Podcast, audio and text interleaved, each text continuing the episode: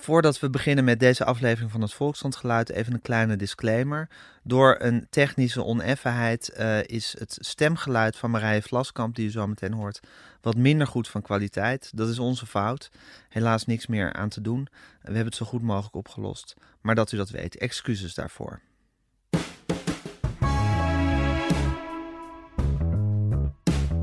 Ja, dit is een nieuwe aflevering van het Volkskrantgeluid. Uh, ja, we hebben de recorder eigenlijk net te laat aangezet, want ik zit hier met de Volkskrant-correspondent uit China en de Volkskrant-correspondent uit Amerika, te weten Marije Vlaskamp en Michael Persson. En ja, jullie waren net ja, scheld, Chinese scheldwoorden aan het, uh, aan het doornemen.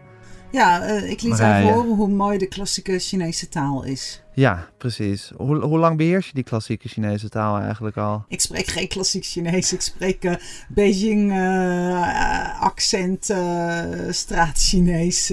ik, ik woon en werk daar nu zo'n jaar of 17, 18. 17, 18? Ja. Heb je, en heb je de taal daar ter plekke geleerd of had je hier al een, een opleiding gedaan? Nou, ik heb hier twee jaar privéles gedaan. En toen ben ik erheen gegaan om een jaar in mijn eigen tijd en van mijn eigen geld Chinees in China te studeren. En daarna ben ik pas gaan werken, anders was ik volkomen hulpeloos. Maar je had, een, je had een hang naar dat land. Je ik moest naar dat land toe. Ja, ik had een hang naar dat land. En waarom was dat? Uh, ik was er een keer op vakantie geweest. Uh, en ik had het gevoel dat dat best wel eens het grootste verhaal van de eeuw kon gaan worden, China. En toen ben ik erheen gegaan. Toen kregen ze de Olympische Spelen. Toen werden ze een economische grootmacht. Tegenwoordig proberen ze ook uh, internationaal uh, op andere gebieden de dienst uit te maken. En het is inderdaad een enorm groot verhaal geworden. Dus het was inderdaad vooral een soort journalistieke interesse. Dat je denkt, daar gaat het gebeuren. Meer dan dat je dacht, oh, ik vind de bergen zo mooi. Of ik wil... Nou, je zal ook wel een soort, soort tinteling bij het land gevoeld hebben. Maar je had ook het idee, daar gaat het gebeuren. Ja, het was een combinatie. Het was ook uh, ontzettend gefascineerd door uh, ja, eeuwenoude geschiedenis. De complexiteit van de samenleving en de cultuur en de taal is ook waanzinnig interessant. En er is ook nog zoiets als uh, Chinees eten. En daar viel je ook voor. Ja, daar viel ik En Michael, voor. waarom zit jij in dat saaie Amerika? Dat has-been land, om dezelfde waar alles al gebeurd is. Om dezelfde reden als uh, die Marije heeft. Uh, dat uh, het land ook het land was waar het ging gebeuren. Maar dan de grote instorting. ik wil niet zeggen dat ik... Nee, maar die, ik, ik zag wel dat daar um, iets aan de hand was. en dat die saaie wereldmacht die het, die het was, dat die niet eeuwig zou duren. En, hoe lang zit jij in Amerika al? Drie jaar. Drie jaar. Ja. En dat was dus ook omdat je dacht, het, het gaat daar verschuiven. Het, gaat, het, het, het, het, rijk, het grote rijk, het almachtige rijk gaat misschien in elkaar kruimelen. Ja, ik, ik, ik, ik, ik vond wel, of ik dacht dat er zwaktes zaten in Amerika die heel interessant uh, zouden zijn om, uh, om, uh, om, om te zien en te, te bekijken. Te Wat voor zwaktes? Ja, de, de, grote ongelijkheid, de, de armoede die ik kende uit een, uit een eerder bezoek die ik, die ik had gebracht. En dus het hele beeld en de mythe van een grootmacht, een, machtige, een machtig land en uh, een land waar iedereen uh, het kon maken. Um, die wilde ik van dichtbij bekijken, die mythe. En, en zien waarom uh, die wel of niet zou kloppen. Ja, en precies. dat hij te groot was. Dus ook bij jou was het eigenlijk zoals bij Marijke meer dan dat je dacht... Goh, Amerika lijkt me ook wel eens leuk. Dat je ook wel echt voelde van... Er, er, er zijn, het is een historisch punt in de Amerikaanse geschiedenis... en daar wil ik eigenlijk wel met mijn neus bovenop zitten. Ja, ja, ja. Er, is, er is wat te halen, om het ja. zo te zeggen. Er is ja. wat te doen. Nou, laten we. Uh, we beginnen deze podcast altijd met een geluid. Dat mag eigenlijk officieel geen geluidsfragment zijn, moet echt een geluid zijn. Maar, jij kwam zo dringend met een bepaald geluidsfragment dat we het toch willen laten horen. Ik start hem even op een eigenlijk een willekeurig moment van het YouTube-filmpje uh, in.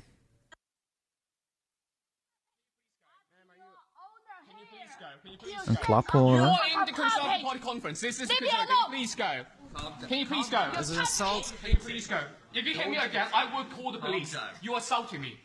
You, you hit me again, I will you call the police. You have no right. You are, yeah, no you are, democratic you are in assaulting the UK. me. I'm a I journalist reserve here. the right. I reserve the no, right to call you the have police. no right. You have no right. I think. Like, you have Can you please go? Can you please go? Ma'am, let me Leave see me your alone. badge. We zien een uh, Chinese reporter met een gewaaid gezicht, een vrouw, in een uh, Burberry regenjas volgens mij. Ja, uh, als, een, als een furie tekeer gaan tegen een beveiliger, denk ik. Ja, een vrijwilliger. Een vrijwilliger. van een forum over de Hongkongse politiek. Wat is dit voor een fragment, Marije? Nou, dit is wat mij betreft het symbool van het nieuwe assertieve China, de schreeuwende Chinees. De schreeuwende Chinees. Die opkomt voor ja, eh, haar recht in dit geval om eh, ja, de soevereiniteit van de Volksrepubliek eh, te, verenen, te verdedigen. Er is een klein forumpje dat gaat over Hongkongse politiek. Er is een, een randevenement bij een, een groot politiek congres. Ja, En daar zijn mensen aan het woord met meningen over ja, de politiek in Hongkong, die in het systeem in China een eigen autonomie zou hebben. En eh, daar staat zij en gaat, nou ja, inderdaad, keer over haar recht om haar mening er doorheen te schrijven, minuut en minuut lang. Slaat ook mensen. En het geinige is, ze is daar dus afgevoerd. Nou, de Chinese ambassade in Londen, die heeft er een nummer van gemaakt, joh. eh, over de vervolging van onze correspondent, eh, die het recht had om daar haar mening te geven. onrechtmatig behandeld. Eh, ja, vreselijk slecht. En oh, oh, oh, Beijing waarschuwt Londen. Dit moet zo niet kunnen. De mensenrechten van onze Chinese reporter werd bijna geschonden daar. En die schreeuwende Chinees, die is, die is tegenwoordig dus helemaal in. Want eh, China is Want zij is, zij is een van de vele schreeuwende is Chinezen. een van de vele schrijvende Chinezen. Er zijn de afgelopen maand eh, ook affaires geweest in Zweden. Waar een eh, Chinese familie eh, niet mocht, eh, in een hotellobby mocht blijven. Daar is ook de Chinese overheid tot aan het hoogste niveau opgesprongen om de rechten van deze schreeuwende Chinezen. die door de politie werden verwijderd uit een hotellobby. om die hoog op de agenda te plaatsen. De schreeuwende Chinees is een van de nieuwe middelen waarmee China. de Volksrepubliek China zijn buitenlandse beleid vormgeeft. Waar staat de schreeuwende Chinees voor? Voor China dat zich niet meer in een hoekje laat drukken, zich niet meer de les laat lezen en eh, opkomt voor zijn rechten en die ook luidruchtig zal halen als dat noodzakelijk is? Ja, eh, de bescheidenheid om zachtjes te pleiten voor begrip voor de unieke Chinese Ja, je, cultuur. doet, je maakt nu met je handen Ja. dat, dat be- beroemde Aziatische en gebaartje. het Dat soort glimlachen, dat en glimlachen. het beleefd afwachten tot de westerling ooit iets wil gaan begrijpen ja, van en dat buigen. Ja. daar zijn we klaar mee in Peking. Het gaat er nu om om China neer te zetten als eh, wat China echt eh, aan het worden is. Namelijk een wereldmacht, een superpower en een alternatief model voor ja, die verschrikkelijke staten zoals eh, Amerika. En dat dat Ja. Je wijst nu bijna verwijtend naar Michael. afgekloven democratisch gedoe in Europa. China heeft daar een alternatief voor. Dat hebben we geformuleerd onder het motto: A community of shared future of common in destiny for mankind. Kortom, lekker gezwollen. En Ja. daarbij probeert China niet alleen zijn economische macht, maar ook zijn politieke ideeën. Dat failliete democratische systeem, dat moet maar eens eh, overboord. Er zijn nieuwe dingen te- op de wereld en China is een lichtend voorbeeld van hoe je als autoritaire staat toch heel veel geld kan verdienen met de economie. En iedereen is welkom om daarvan te Ja, leren. en je schreef een fantastische productie ook, of je werkte mee aan een fantastische productie over Chinese rap. Eh, eh, op de Volkshand website zag ik die, waarin ook het ging over het, het waanzinnige nationalistische karakter van de rappers of de hiphoppers in China. Die allemaal voor de Volksrepubliek en niks tegen de gevestigde orde, maar juist trots op China en wat, wat, wat het land allemaal vermag en hoe fantastisch ze zijn. Ja, Ja, dus er is ook, ook een groot nationaal. Het is helemaal niet een volk dat zich in het geheel on- onderdrukt voelt. Er Oh, zullen nee, een heleboel niet. mensen zijn die zich onderdrukt voelen. Maar er zijn ook heel veel mensen die juist eh, gloeien van trots voor eh, de Volksrepubliek. dat is heel logisch. Als je natuurlijk, eh, kijk, dat, dat nationalistisch, patriotistisch onderwijs. dat is eigenlijk een beetje in de jaren tachtig al begonnen. Nou, dan zitten we nu dus tegen een aantal generaties al aan te kijken. Die van kleins af aan op school, in de maatschappij, in alle massamedia. En soms ook van hun ouders en, en familie horen dat China geweldig is. En dat de opkomst is onweerstaanbaar. En het- de wereld zal erop vooruit gaan als eh, China eh, meer te zeggen heeft. En dan geloven mensen dus. eh, Maar nationalistisch patriotisch onderwijs zal toch al voor de jaren tachtig begonnen. Ik neem aan dat onder Mao toch ook al nationalistisch patriotisch onderwijs werd gegeven, of niet? Mm, het, had Minder. Wel, het had wel een rol, maar toen speelde politiek en politieke ideologieën nog een, een, een- de hoofdmoot. hè. Toen ging het allemaal toch nog om socialistische burgers kweken. Ja, ja. Het ging meer Ehm, over het socialisme dan over China. Eh, ja, eh, de klassenstrijd was toen nog leidend in Ja. het onderwijs. Nou, daar zijn ze eind jaren zeventig van afgestapt. Toen eh, ging het land ook economisch open.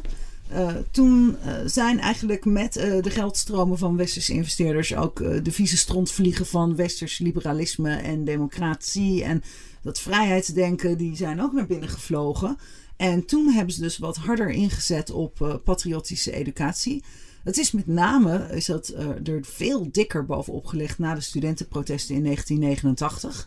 toen het leiderschap eh, zag van hé, hey, als we de jeugd niet van heel jongs af aan al meegeven dat eh, je patriotisme heel Ja. belangrijk is, dan gaan ze misschien de verkeerde kant uit. Ja, Dat zeggen die rappers ook letterlijk zo. Hè? Van wij willen de jeugd leiden naar de juiste kant van denken. ja, Nou, dat is heel erg in zwang in China. Is Ja. heel normaal. ja. Michael, is die schreeuwende Chinees, is die in Amerika te horen? Eh, nee, want in Amerika is eh, op het moment iedereen tegen elkaar aan het schreeuwen. Eh, dus ze hebben niet overstemmen oren. dat Chineesje, wat er ook nog staat te schrijven. Ja, ze, de- hun oren zijn helemaal naar, naar, binnen gericht op dit moment. Dus er is één, de, de, de, de opperschreeuwer, nou dat zal ik niet zeggen, maar in ieder geval de, Ja. de man die alle aandacht naar zich toe trekt, die zit er natuurlijk in het Witte Huis. En onder zijn leiding is heel expliciet geworden dat eh, Amerika vooral aan zichzelf denkt en eh, over zichzelf praat en met zichzelf eh, tekeer gaat op dit moment. Ja, Ehm, en dan, ja, als er iets te merken is van die schreeuwende Chinees, dan is het misschien vooral ehm, de tegenhanger. En dat is de, de stille Amerikaan. Nou is dat bijna een paradox natuurlijk. Maar misschien ook wel niet. in dit geval, wat, wat ik merk op straat, is dat iedereen eh, zich verontschuldigt. eh, Of iedereen, eh, veel Amerikanen zich verontschuldigen voor de staat waarin het land verkeert. Dus er is een soort nieuwe bescheidenheid te beluisteren en te, te voelen in Amerika. Dat geldt zowel voor progressieven als voor conservatieven, die zich allebei lijken te schamen voor het gedrag van de ander. En ehm, nou ja, ze, ze zijn zich daar wel van bewust naar buiten toe. En ik ben dan even de buitenstaander. En ze, eh, ze zeggen van ja, sorry dat we, dat, we, dat we zo zijn. Sorry dat we zo doen. We schamen ons voor, eh, voor, eh, voor ons land. Ja, dus waar in China een, een heel nieuw zelfbewustzijn is ontstaan, is er in, in Amerika eigenlijk een heel nieuw soort gêne gekomen Precies, voor, ja. wie, voor wat, wat en hoe Amerika is. Exact, ja. En dat geldt dan voor de gewone mensen, laat ik het even zeggen. Want natuurlijk officieel is de, is de houding America First. En die gaat gepaard met veel patriotistisch gebazuin. Tromgeroffel. Tromgeroffel, Ja. precies. En ook naar buiten toe uh, uitzicht dat in, in een um, isolationistisch of in elk geval protectionistisch beleid. En dat uh, heeft ertoe geleid dat een aantal verdragen zijn opgezegd. Ja. En dat uh, de Heffingen. tarieven natuurlijk, heffingen. Dus dat allemaal is, lijkt een grote mond. En dat is ook wel zo uh, naar buiten toe. Maar het is eigenlijk vooral om de borst op te zetten naar binnen toe. Het is toch het gezicht is gekeerd naar binnen. En daar willen ze, de president wil laten zien van ik stel mijn land op de eerste plaats. En dus uiteindelijk is het toch uh, dat isolement waarin de huidige regering het land plaatst. Die leidt tot een bescheidene rol voor het land zelf. Het is eigenlijk ook een soort gespeeld, gespeeld zelfvertrouwen is het. Of het is, het is Ja, een wan, wanhopig uh, trommelen is het. Eerder dat ja. Ja. Ehm, ja dus het is even nog de borst uh, opzetten en een uh, laatste flakkering. Maar hoe werkt dat? Want die Trump is toch, ik bedoel, alhoewel Hillary Clinton uiteindelijk meer stemmen had feitelijk, is hij toch gewoon democratisch gekozen. Dus een heel groot deel van het land moet toch ja, achter die man staan. Of in ieder geval ruim een jaar geleden achter hem hebben gestaan. Zeker. Waarom dan toch die gêne? Um, nou, die gêne voor de progressieven is dan voor Trump, maar voor de conservatieven is het meer voor de, voor de chaos waarin het land is uh, verkeerd. En dat is volgens de conservatieven niet aan, uh, niet aan Trump, Trump, te wijten, maar ja, juist aan de andere partij. Ja, precies. Dus de ene, de ene helft schaamt zich voor Trump. En de andere helft schaamt zich voor de staat van het land die Trump heeft aangetroffen en die die nog niet uh, heeft kunnen oplossen. Zou ja, zo zou, het kunnen, zo zou het kunnen zeggen. Ja, ja. ja, ja en Trump onder... gaat het oplossen. Ja, en Trump gaat het oplossen, hopen Maar ondertussen voelt iedereen zich eigenlijk bezwaard over de staat waarin het land uh, verkeert. Ja, ja. ja. en de trots, die is er ook nog wel. Maar die trots die zit altijd, uh, speelt zich af in het verleden. Dus als je ook met uh, conservatieve Amerikanen praat, uh, dan hebben die het nog wel graag, heel graag over de Tweede Wereldoorlog, waarin ze uh, ons hebben bevrijd. En dat is inderdaad een, een, iets om trots op te zijn. En waar wij ook dankbaar voor kunnen zijn. Ja. Maar het is, dat is, het is lang, wel geleden. lang geleden. Lang geleden. Ja, ja. ja. En is dit, dit, dit, dit, dit sentiment, heeft zich dat in die afgelopen drie jaar dat jij daar nu zit steeds sterker ontwikkeld? Of was dit eigenlijk al zo aanwezig toen je daar aankwam? Nee, toen ik uh, aankwam, dus dat was in 2015, uh, een jaar voor de verkiezingen, maar toen begonnen net de voorverkiezingen. Uh, toen, werd, toen was er nog veel meer zelfvertrouwen en toen werd dus ook alle zelftwijfel, die begon te borrelen. ja, die werd eigenlijk nog, nog onderdrukt of die werd weggelachen. Dus die zelftwijfel begon zowel aan de linkerkant bij Bernie Sanders, die Scandinavië ten voorbeeld stelde aan Amerika. En dat was eigenlijk ongehoord dat een Amerikaan naar een ander land wees als voorbeeld. En Trump zelf deed het ook. Die, wees ook. die zei ook, we zijn een derde wereldland geworden. Die zei ook, uh, onze, kijk naar onze wegen, kijk naar onze gezondheidszorg. Die wees zelfs ook op Scandinavië op een gegeven moment van daar hebben ze het beter voor elkaar. Dus beide uh, partijen, of beide eh, randen van de partijen Ja. zagen eh, dat het niet eh, zo goed was gekomen. waren aan het inhakken op het Amerikaanse zelfbeeld Precies, ja. eigenlijk. Ja. Om, om daar zelf gewin bij te hebben. En ondertussen vernietigden ze het hele zelfvertrouwen waar zo'n land toch ook op moet varen eigenlijk. Ja, eh, Even kort door de bocht, door de hè, bocht. allemaal dit. dat ja. is, eh, nou, zo zou je het zo maar ja, dat is, wel, dat is wel fascinerend hoe diametraal deze landen dan Nou, tegenover nou, elkaar staan op dit moment. Dat verbindt. eh, eh, jullie in Amerika, denk ik, hebben jullie. Is het, klopt het dat jullie jullie grote knak in je zelfvertrouwen hebben gekregen met de financiële crisis Zeker. in 2008? Ja. Dat was namelijk ook de, eh, de gebeurtenis die de ontwikkeling in China zeer, zeer ernstig versneld heeft. En waardoor die China Rise, die opkomst, eh, zo snel is gegaan dat de Chinezen zelf nu nog steeds eigenlijk verbaasd staan met hun mond open te kijken. Van, hoe kan het nou dat we ineens zo. Dat, al dat vacuüm wat er internationaal is ontstaan. eh, in, in allerlei relaties van de Verenigde Staten. Maar ook economisch. En we konden er zo inspringen Ja. en ons ding gaan doen. De westerse wereld Als- lag op zijn gat en Ja. China kon er bovenop springen. heeft zichzelf natuurlijk met redelijk uit die eh, financiële crisis weten te houden door nou, het grootste stimulus package ter wereld over China uit te rollen en die, die eh, economie aan de groei te houden. Maar er is op dat Ik weet ook dat er toen voortdurend in Nederland radiospotjes werden uitgezonden dat je moest investeren in de Chinese beurs of de Chinese economie. Want die eh, was elk jaar ver, ver, ver, vermenigvuldigde zich met een factor 4 of 5 of weet ik veel ja, wat. Ja, die groei was natuurlijk en dat deels... was in een tijd dat, dat de hele westerse economie gewoon in, in, op totaal op apengapen Ja, lag. dan, dan, dan werd ik gebeld en over de groeicijfers. En dan, dan vonden we in China dat het een tegenvallertje was. Want het was onder de 7% Ja, eh, groei. En Ja. dan, dan hadden mijn collega's hier zoiets van... joh, mag blij zijn. Maar ja, een deel van die groei was natuurlijk kunstmatig Maar dat gecreëerd. 2008 is dan toch wel een fascinerend jaar geweest. Want dat is ook het jaar dat de Olympische Spelen in China Ja, waren, dus, toch? dus 2008 waren die Spelen. Dat was een soort van coming out to the world. En Ja, van wij hier laten zijn we. zien wat wij eh, zelf kunnen, kunnen doen. Die Spelen organiseren we eh, en we laten dan zien wat China zo al vermag. En direct daarna die crisis, waarbij China dacht: Nou, oké, de wereld vr- vroeg China ook echt van. Hou die economie aan de gang, want anders stort de hele wereldeconomie ja, in. het was een beetje de kurk waar de wereldeconomie nog op Nou, dreef. ging ook goed. Hebben we in China wel een prijs voor betaald. Een enorme schuldenlast en grote milieuvervuiling eh, door al die industrieprojecten. Maar toen zag China ook in 2009 dat er dus blijkbaar een vacuüm aan het ontstaan was. In internationale organisaties, eh, bij de Verenigde Naties, bij al die grote wereldwijde instituties waar de Chinezen altijd toch dol op zijn om daar zich naar voren te ellebogen. Tegelijkertijd hebben ze parallel eigenlijk hun eigen eh, wereldwijde structuur zijn ze gaan opzetten. Met een eigen IMF-achtige leeninstantie. Met een eigen groot economisch project voor de hele wereld. Met nog een aantal instanties die ik nu niet allemaal op ga noemen, maar een beetje parallel. Dus daar hebben ze een alternatieve wereldorde mee, ge- een alternatief toneel mee geschapen. En wat je nu ziet is dat ze op twee tonelen actief zijn. Het internationale, waar ze proberen zich in te ellebogen in het vacuüm. En hun eigen alternatieve toneel waar ze landen op proberen te trekken. Van kom met ons dansen op ons eigen autoritaire eh bühne. Ja. En laat die westerse wereld gewoon lekker in de stront zakken. Wij weten hoe het moet met elkaar. Weet je, zoals, zoals je vroeger weet van wat NAVO en een Warschau-pact had, herinner ik me uit mijn jeugd. Zo twee van die blokken. Hebben zij, zijn ze ook gewoon hun eigen, hun eigen blok helemaal aan het maken? Hun eigen Chinese eh, Ja. blok, Ja. waarin dingen op een andere manier gaan dan in het Westen, dan bijvoorbeeld de EU of IMF of iets ja, dergelijks. of de NAVO. Ja, Ja. dus eh, bijvoorbeeld kijk naar landen die nieuwsgierig zijn naar autoritaire staatsvormen. Hè? Je hoeft niet per se gelijk een eenpartijstaat te worden, maar als je behoefte hebt aan interessante artificial intelligence surveillance apparatuur, dan kan je die in Peking prima komen kopen. Dus daar hebben belang, landen belangstelling voor. Ja. Pakistan, eh, Ethiopië.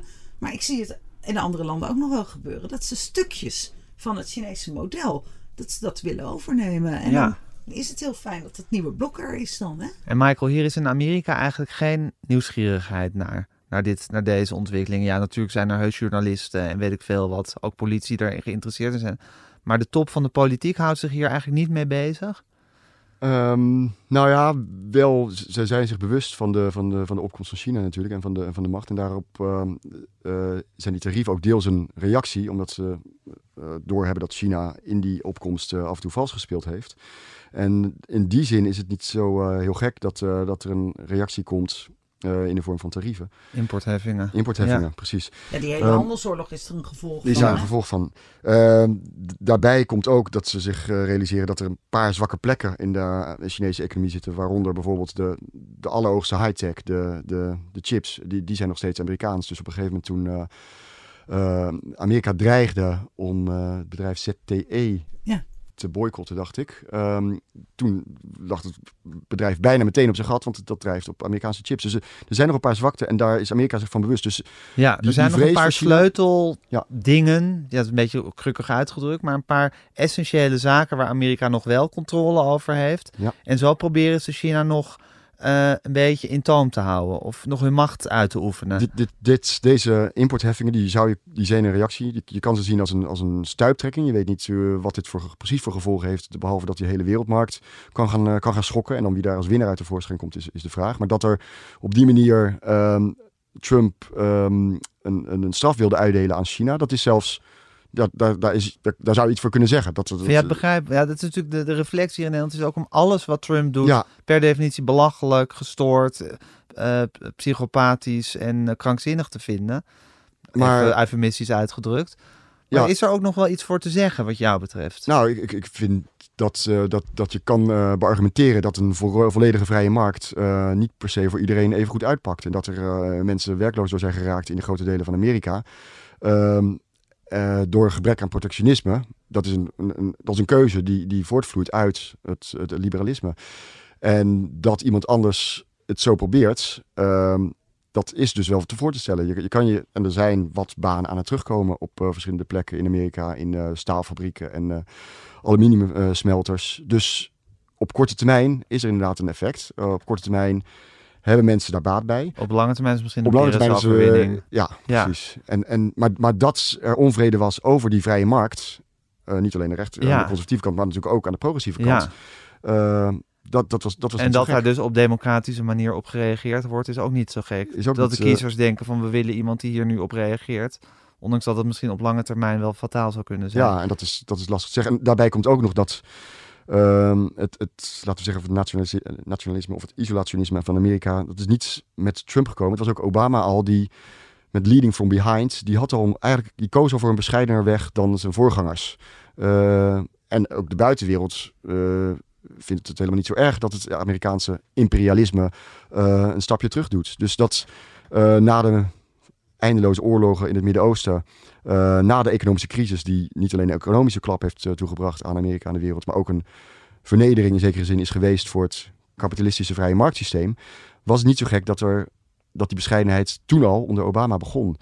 En eh, ja, onder Trump is het nog veel verder doorgezet, maar ook onder een eh, minder klassieke eh, democratische kandidaat als Bernie Sanders, zou, er ook, eh, zou Amerika zich ook hebben teruggetrokken. Ja. Nou, dat wordt aan mijn kant van de wereld echt niet zo ervaren dat Amerika ineens bescheiden is. Ik bedoel, China ziet eigenlijk in bijna alles wat er gebeurt, of het nou handelsoorlogen zijn of eh, militaire oefeningen in Aziatische zee ergens, wel een groot complot van eh, Washington om Ja, eh, maar China dat is misschien klein ook- te houden. Maar dat is ook misschien het narratief van de schreeuwende Chinees. Dat ze gewoon alles willen zien als een aanval op hun waardigheid en een reden om lekker hard terug te gaan schreeuwen. Ja, dat is deels denk ik het narratief, maar deels is het ook echt beleefd. Hoe het is. Mensen vinden gewoon dat Amerikaanse troepen in Zuid-Korea wel heel erg dicht eh, bij, eh, de Amerika bij de Chinese grens staan. Eh, mensen zien dat soft power cultuur gedomineerd wordt door de Verenigde Staten. En Chinezen zijn ervan over, hè, die, die, die zeggen van nou, ons model en onze ideeën krijgen daardoor weinig ruimte. We moeten dat beter neerzetten. We moeten ons eigen verhaal beter vertellen. Telling the China story well is echt een politieke slogan in China. Eh, en China eh, ziet ook gewoon van, nou kijk, zoveel eh, geld genereren wij voor de wereldeconomie en zoveel geld genereren jullie in de VS. Wij hebben meer recht op een plek aan tafel. En toen dat niet kwam, toen dat niet voldoende snel werd onderkend, en daar hebben Chinezen dan redelijk lange tenen in, zijn ze dus zelf gewoon opgestaan en, en ja, ineens nu veel assertiever geworden. En Trump of Obama, maakt dat die Chinezen nog uit? Uh, voor de Chinezen is er eigenlijk maar één iemand belangrijk. En dat is de centrale partijleider uh, van de Communistische Partij. En want die zet deze koers eh, met een groepje zeer machtige mensen uit. En wie er dan ook in dat Witte Huis zit. eh, Kijk, eh, heb je een republikein, dan zijn ze meestal in de campagne heel erg aanvallend. Maar kan je er redelijk goed business mee doen? Want daar houden republikeinen van. Heb je een democraat, eh, dan gaat hij zeuren over mensenrechten. Dus in China is Trump niet eens zo gehaat als je je zou voorstellen. Eh, ze, ze, ze zijn aan het kijken. Wat kunnen we met hem? Het leek even goed te gaan. Hij leek het leuk te vinden met die rode loper en al die ego-strelende dingetjes waar Chinezen zo goed in zijn. En nu zit het dus ja, muurvast en hebben we nou, toch wel de ernstigste verslechtering van de Amerikaans-Chinese betrekkingen sinds, eh, nou laten we zeggen... En komt dat door die importheffingen? Of komt dat door die, door die, door die, door die, door die, eh, door die eh, militaire basis in Zuid-Korea? Waar, waar nee, komt het, komt, door? het is een combinatie van factoren. Eh, China wil zijn vleugels uitslaan. En ja, de draak voelt dat, hij, dat, dat Amerika die vleugels wil kortwieken. Ja, En ze zijn al duizenden jaren bezig voor hun gevoel in de overheidspropaganda in China. Om met die vleugels zo groot mogelijk te maken. En dan staat er iemand met een schaar. en Michael, denk jij dat Amerika nog in staat is om die vleugels te korten wieken? Nou ja, goed, door, door maatregeltjes, zeg ik maar even aanmatigend als importheffingen. Maar dat is natuurlijk een soort achterhoedegevecht ook. Ja, nou, ik, ik denk, denk sowieso dat, er, eh, dat het helemaal niet erg is als eh, macht en rijkdom eh, verdeeld wordt over de wereld. Dus in dat opzicht. Nee. Maar goed, Amer- vanuit Amerikaans perspectief. ehm, Het is natuurlijk nou helemaal Is- altijd een soort voetbalwedstrijd, wereldpolitiek. Dus, zeker, zeker. ja. Ja. Dus, dus vanuit Amerikaans perspectief zouden ze dat wel willen, die tarieven. Ik denk dat op lange termijn zijn er wel een paar structurele voordelen die Amerika nog heeft en, en, en sterktes die heel bijzonder zijn. Dat is inderdaad die soft power waar je het net over had. Eh, cultureel, ehm, eh, van Hollywood tot muziek, ehm, tot, de, tot de media, tot wetenschap. Tot nieuwe technologie. Tot nieuwe technologie. En die technologie is nog een aparte factor natuurlijk. Maar al die, al die eh, zaken zijn nog, ja, hebben nog enorme invloed op eh, de, de rest van de wereld. En Ja, daarin speelt Amerika nog de hoofdrol. En op die manier kunnen ze ook nog steeds eh, bepalen ze de, de wereldcultuur, zou Ja. je kunnen zeggen. Eh, ik bedoel, we slaan ze luisteren, de maat. slaan ze de maat. We Ja. luisteren hier nog niet naar eh, Chinese hits. Het is nog steeds Anglo-Saxisch ehm, en met name Amerikaans. van films tot muziek. ehm, tot, tot boeken en, en andere media. En dat is, en ook van hoge kwaliteit. Ehm, techno- eh, technologie, en zeker Silicon Valley, is natuurlijk nog een, een verhaal apart, omdat dat zowel cultureel als economisch is. En het feit dat, dat Amerikanen de truc hebben bedacht, een aantal bedrijven, om eh, met Airbnb of eh, Uber heel veel geld uit andere plekken van de wereld te trekken voor iets wat daarvoor gewoon allemaal decentraal geregeld werd. Ik bedoel, als je hier gewoon... eh, Taxi of huizen Precies. verhuren. En ja. daarvan gaat nu gaat een, een, een percentage, 20, 25 procent, naar een paar miljonairs in, in Silicon Valley. Dus zolang ze dat soort trucs beheersen, ehm, ehm, ja, zijn ze nog handig bezig. zijn ze handig handig bezig. Ja. En dat komt voort weer uit nog steeds een innovatieve cultuur die, die heel sterk en krachtig is. Dat, en die begint bij eh, wetenschap en enorm goede universiteiten en, en die ondernemerscultuur eh, die dat allemaal aanjaagt. Mijn vraag is wel hoe lang dat kan blijven bestaan. China is een inhaalslag bezig. Onderwijs in Amerika is niet bijster goed als je ehm, niet op de goede scholen komt. Er zijn natuurlijk altijd een paar briljante scholen, maar de, Ja. de basis is Rommel. wankelig. Ja. Dus ehm, ik weet niet of dit een, een Heel lang houdbaar kracht is die is. houdbaar is. Wat denk jij, Marije? Nou, ik, ik wil eerst even vragen, is bij jullie ook breed in de media en in, in, in- als discussiepunt het begrip de Koude Oorlog? Is dat weer terug? Want in China wordt continu in de partijpers gezegd: wij willen geen nieuwe Koude Oorlog. Het is Trump die de wereld naar een nieuwe Koude Oorlog tussen de VS en China leidt. Eh, het, het Koude Oorlogsdenken is, is, is, is in China weer, weer in, in opmars. Ja, Of het bij jullie ook zo is. Ja, niet, niet in die mate, denk ik. Ik denk dat het wel voor, voor de propaganda of voor, voor het verhaal komt het goed uit. Het wonderlijke het is, het is natuurlijk dat, het, dat, dat de, de deelnemers aan dit, deze strijd dezelfde zijn. Eh, maar dat de, het gevecht zelf natuurlijk to- eigenlijk totaal anders is dan, die, dan de Koude Oorlog was. Denk ik, waar het gewoon een soort, soort twee gesloten machtsblokken, terwijl het nu gewoon zo'n soort economische eh, ja, verwevenheid, uitwisseling, eh machtsbasis is meer dan een heel ideologische strijd. Oh, ik denk dat er wel een ideologische strijd gaande is. Eh, China is eigenlijk ja, in die 18 jaar dat ik er zit eh, nooit zo ideologisch gemotiveerd geweest als nu. En dat moet je niet op verkijken in hoeverre dat een drijfveer is. We hadden het net even over die handelsoorlog, waardoor Chinese bedrijven zonder Amerikaanse chips zitten. Eh, dat wordt onmiddellijk vertaald in een, een soort van ideologische campagne om eh autarkie na te streven. Dus een enorme veel meer onafhankelijkheid als het gaat om het zelf uitvinden van dingen, het zelf produceren van technologie en er zelf mee eh, aan de slag te gaan. In China wordt eigenlijk ook het hele grote gevecht dan hè, tussen de Verenigde Staten en China wordt neergezet als een, een battle.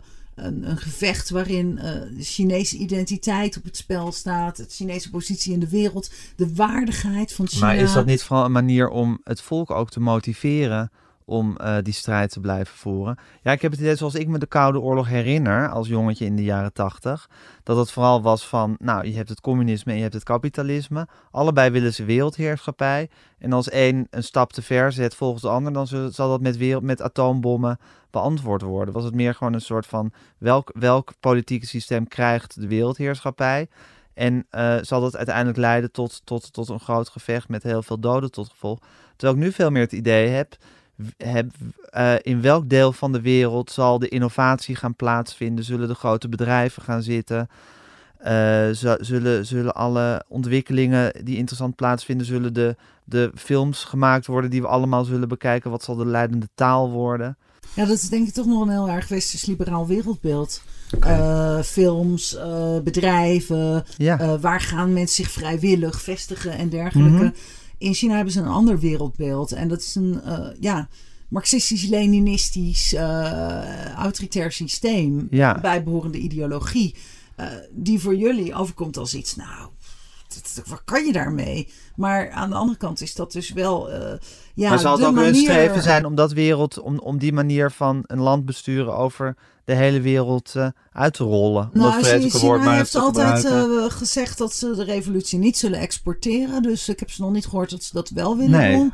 Maar uh, ze willen wel gidswerk verrichten. het is wel ideologisch gedreven. Ze hebben gidswerk te verrichten over Ja. bijvoorbeeld het uh, uh, cybersecurity, oftewel het schoonhouden van het internet, oftewel censureren, want dat is het gewoon. Ja. Nou, daar organiseren ze fora over, waar de hele wereld mag komen luisteren hoe je dat doet. Uh, ze proberen ook op andere terreinen hun model uh, te exporteren. Hoe je bijvoorbeeld economische groei uh, monsters als China genereert, terwijl je politiek geen enkele concessies doet aan het globaliserende systeem. Ja, wat dat betreft is het failliet van het kapitalisme, even gechargeerd uitgedrukt uit 2000, van 2008, is dat natuurlijk ideologisch gezien wel inderdaad een slag voor Amerika. Want ja, waar, waar moeten wij ons nog op beroepen als uh, kapitalistisch land? Toch? Nou, zeker. Het, Ja. het is inderdaad die ideologische eh, tegenpolen van de Koude Oorlog, die, ehm, die zijn er niet meer. Want eh, je hebt nog wel die ideologie van, van China en dat geloof in zichzelf. Maar aan de andere kant is dat veel minder. En je hebt inderdaad post-Tweede Wereldoorlog 70 jaar lang ehm, een geloof in dat, in dat systeem gehad. Met een, Welvaart ehm, en voorspoed, noem maar en op. v- vrijheid, met name Ja. natuurlijk vrijheid, welvaart, voorspoed, Ja. eh, gepaardgaand met, met het militaire apparaat eh, van Amerika en de NAVO daaromheen. Ehm, sterke instituties. En dat systeem is inderdaad met de crisis van 2008, is dat, eh, is dat geloof daarin in elk geval ehm, ondergraven. Ja, Dus het bestaat natuurlijk in grote lijnen nog steeds.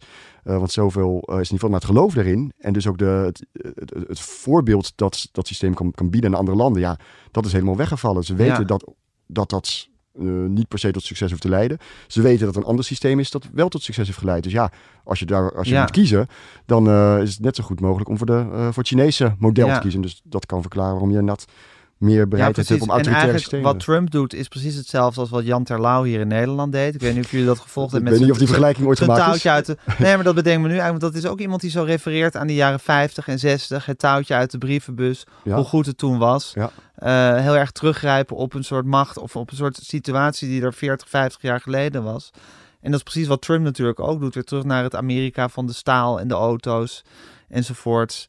Uh, en hopen dat je daar nog weer soelaas in zal vinden. Terwijl dat natuurlijk gewoon een voorbije tijd is. Ja, ja. China doet het eigenlijk ook hoor. Want China is met niks anders bezig dan uh, wat ze noemen de nationale herrijzenis van de grootste Chinese Ja, maar China natie. heeft de wind mee. Dus dan is het, dan is het, dan is het makkelijk praten. Ja, maar het wordt daar ook uh, gevoed met een, uh, een verlangen naar het herstellen van een historische toppositie die China ooit in antieke tijden had. Uh, dus, dus dat verleden werkte ook heel motiverend in, in, in het Chinese systeem. Ja, maar weet je, als je de win mee hebt, dan kan je, dan kan je alles tot ideaal verheffen. En alles, alles lijkt dan te kloppen, want dan lukt alles ook. Toch? Dat is, het is pas als je, als, als je het moeilijk hebt dat, je ineens, dat, dat, dat het ineens zo broos blijkt, eh, de bodem waarop je staat. Ja, maar China heeft natuurlijk dezelfde broosheid ervaren in 1989 toen eh, de Sovjet-Unie eh, uiteen ging rafelen en het Ja. Oostblok in elkaar donderde. Ja, En in de woorden van Xi Jinping, Chinese partijleider, er geen enkele sterke man in, in de Sovjet-Unie opstond om het systeem overeind te houden. ja. Dat is hun schrikbeeld. Dat is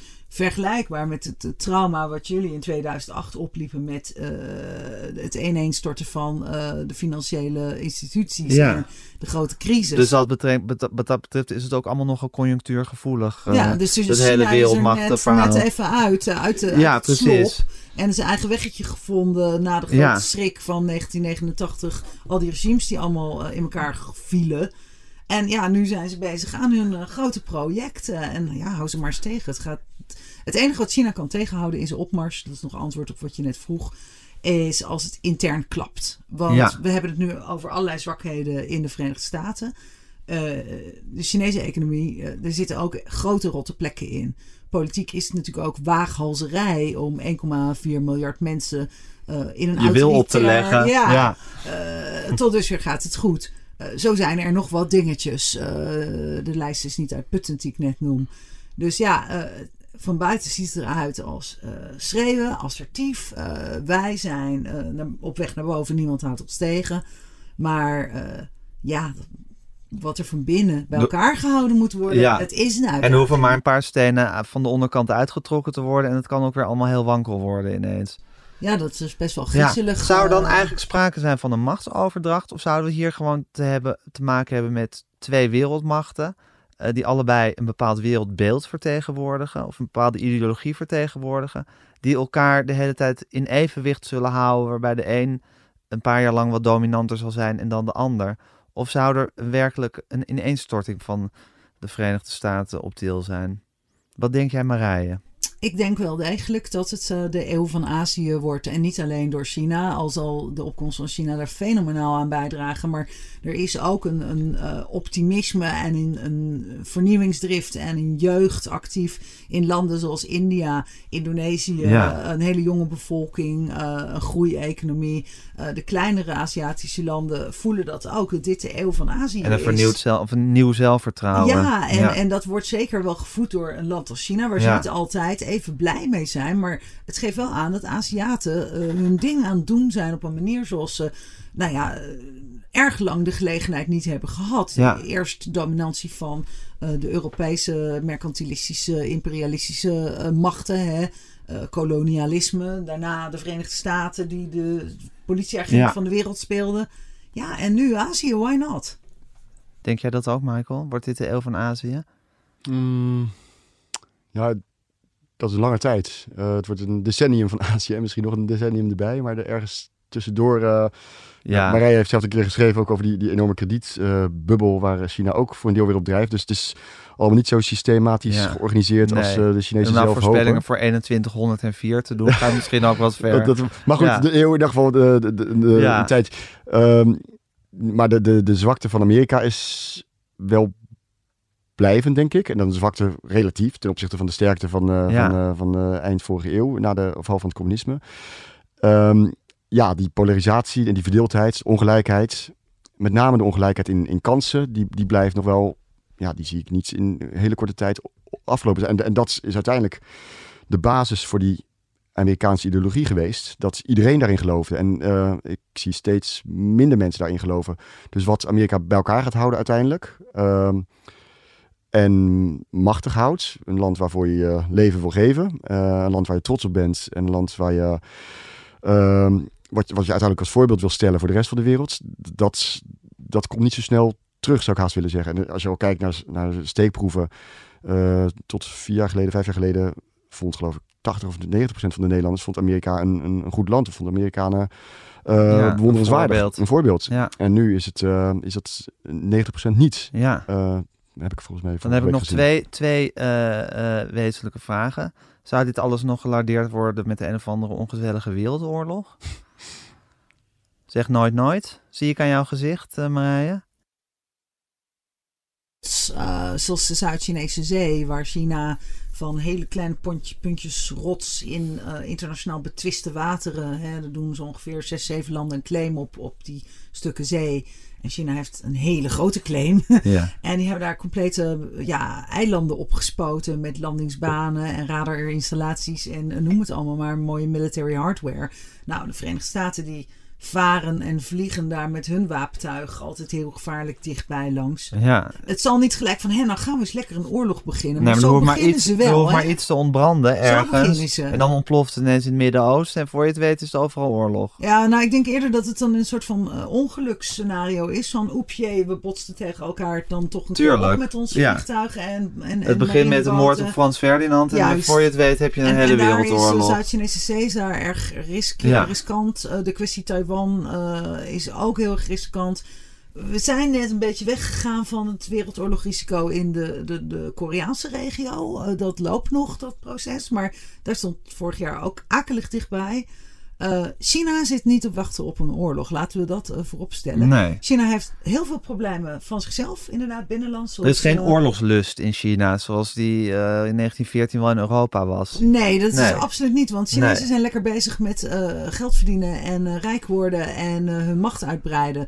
En eh, dan is een oorlog een, een onhandige bij, bijkomstigheid waar je dan heel veel beleid op moet zetten en materieel Ja. en mensen. Nee, daar is China op dit moment niet mee bezig. Eh, maar Voel jij in Amerika oorlogs zien? Nou, ik, ik voorzie eerder een eh, intern ge- gewoel en interne schermutselingen. Precies. En dat kan in verschillende landen zijn. Eh, want ja, zeg maar, de stammenstrijd waarvan je dacht dat die alleen eh, kon gebeuren in landen waar stammen zijn. Eh, blijkt ook, nou ja, in Amerika voel ik wel, de divergering, eh, divergerende beweging is, is, is, is, is groot. Dus het is nergens een beweging terug naar concessie of overleg of naar cons- consensus bedoel ik. Ehm, dus eh, is het nee, meer een implosie dan een explosie? Dan? heeft Ja. dat burgeroorlogcapaciteiten? ja. nou ja, ik- dat- Zij het met een gretige blik. Ja, maar hij heeft er al zin in. Nou goed, Ja, er dat is zijn- naar zijn om wel- te zijn zeggen, maar grote, goed. grote, ja, dat grote, Ja. inderdaad naar Ja. om te Ja, zeggen. het is naar om te Nou ja, zeggen. maar je het is toch goed om te weten waar de zich af. risico's vallen in de mensen- de- de- de- de afgelopen week, of na de ehm, ehm, benoeming van die rechter Kavanaugh, is het woord eh, wat vaker gebruikt. En ik ehm, heb ook wel. eh, eh, ik denk dat je weinig zou moeten verwachten van hem. Het zijn hele beschaafde mensen die hele akelige dingen kunnen doen. Dus Zoals we op de Balkan nog hebben gezien bijvoorbeeld. Maar ook eh, in Afrika en heel veel andere landen. Eh, dan nog, de spanningen in Amerika zijn ook, ook niet zo heel lang geleden heel groot geweest. In de jaren 60. Dat heeft zelfs tot, tot, eh, tot doden, eh, politieke doden geleid. Eh, nou ja, van de president tot studenten die demonstreerden. En dat, zo, zo heftig is het nu nog niet. Eh, dat kwam goed. eh, zon, na, ja, ik zou zeggen, zonder al te veel bloedvergieten. Ja. Ehm, vergeleken met de burgeroorlog dan. Maar aan de andere kant, ehm, ja, er moeten wel uiteindelijk dempende bewegingen zijn. En, en nu is het gevaar of het risico eh, is aanwezig dat elke demping uit het systeem wordt ge- gehaald. En ja, dan kan, het, dan kan het erg misgaan. Maar tegelijkertijd Ja. ehm, weet blijft ook het niet- onvoorstelbaar. Je weet ook niet langs welke afgronden je precies aan het scheren bent. Hè? Soms, Nee. ik bedoel, dat is gewoon, eh, dat, dat, dat leert de geschiedenis alleen maar. Je kan natuurlijk ook een Chinees totaal dempend systeem invoeren waarbij eh, alles alleen nog maar is gericht op het conditioneren van mensen om dezelfde politieke kant uit te praten en te doen. Dat Wat ook zijn risico. Nee, dat heeft Oh, nee. natuurlijk ook enorme risico's. Kijk, eh, eh, daardoor krijg je niet, geen informatie over wat er echt mis aan het Ik vind gaan het een heel is. onaantrekkelijk scenario hoor, eerlijk Ja? gezegd. Ja, toch wel. Ja. Nou, ik wou het even omdat jij het had over de goedheid van demping. Eh, China heeft natuurlijk een overmaat aan demping. Eh, daar is alles zo gedempt dat je nog maar één geluid hoort. Ja, ja, ja, maar je moet Dat een soort, soort, soort dempgemiddelde moet je vinden. Een gulden dempende middenweg. En wie dat Ja. heeft, die wint de nieuwe wereldoorlog. Nou, we zullen het zien. Hey, en dan nog een laatste vraag, want we hadden het dus inderdaad over de wereldmacht. En nu is het zo dat inderdaad de wereldmacht ook vaak de, het culturele leven in de wereld bepaalt. Eigenlijk zoals Europa natuurlijk in de 19e eeuw eh, dominant was en, in de, en Amerika in de 20e eeuw. Zou er dan nu ook een grote Aziatische culturele eh, ja, dominantie komen? Dat de eh, Aziatische schrijvers eh, de grote schrijvers worden, dat de Aziatische filmmakers de grote filmmakers worden. Dat we allemaal Chinees leren spreken, omdat we eenmaal de hele dag naar Chinese muziek aan het luisteren zijn.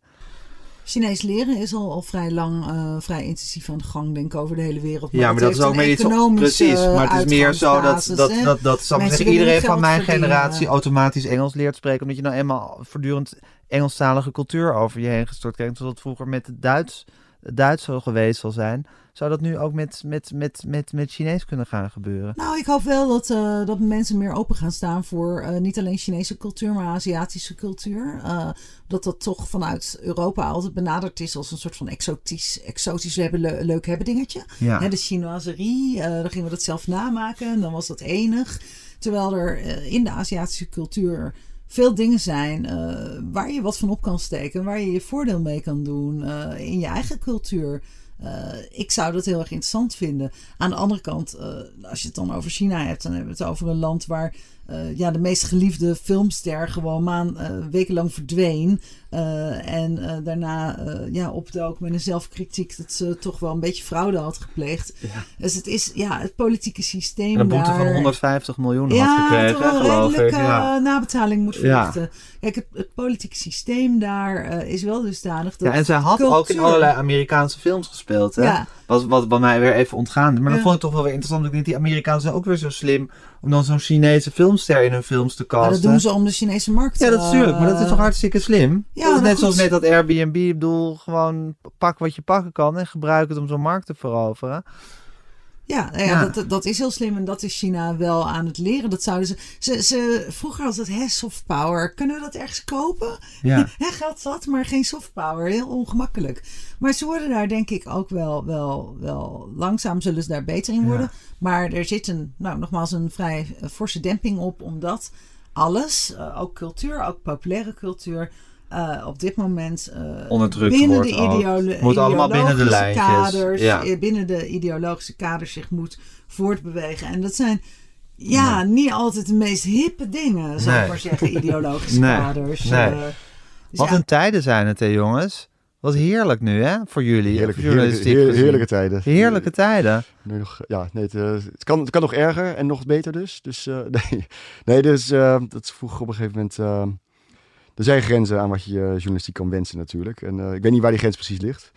Ehm, maar ehm, onrust, eh, dat is nog steeds interessant op een, eh, als je het, als je Ja. het journalistiek bekijkt. En, en, en een verschuiving van... Maar je hoopt wel dat er uiteindelijk een nieuw evenwicht komt zonder al te veel... Ja, gewoon uit, uit menselijke overwegingen. overwegingen. Maar uit journalistieke overwegingen is het natuurlijk een mer à boire momenteel. ja, soms mij. gaat het zo hard. eh, je denkt, oh, nou, eh, de communistische partij is wel nu wel even rust nemen met het verstevigen van zijn greep op de samenleving. En normaal volgt na een periode van echt aanschroeven toch altijd weer een klein beetje ontspanning. En die ontspanning is nu al heel lang niet gegeven. En je vraagt je af hoe strak kan het nog aangedraaid worden. Ja. Fascinerend om te zien hoe strak ze dat doen, ja. Nou, ik vond het heerlijk dat jullie hier even in de archiefkast waren. Helemaal van over de hele wereld gevlogen naar dit ene kleine puntje in Amsterdam. En eh, wanneer gaan jullie weer terug? Ik ga zondagochtend terug. Dus Ja. zaterdag nog een feest. En daarna is het... eh, Ik blijf nog een eh, weekje om de gezonde Nederlandse zeelucht eh, over mijn Pekingse smoklongen te laten wapperen. nou, ik hoop dat je vrij ademend weer aankomt. eh, en eh, ik wens jullie heel veel eh, succes eh, eh, de komende jaren tijdens deze eh, machtsverschuiving die zijn weergaan niet kent. Dankjewel. dankjewel. Dankjewel. Dit was het Volkslandgeluid met Marije Vlaskamp, correspondent in China, en Michael Persson, correspondent in de Verenigde Staten. Mijn naam is Gijs Groenteman. Ik maakte deze podcast samen met Daan Hofstee en Simone Eleveld. Eh, u kunt zich abonneren en u kunt ons ook mailen op podcasts.volkskrant.nl.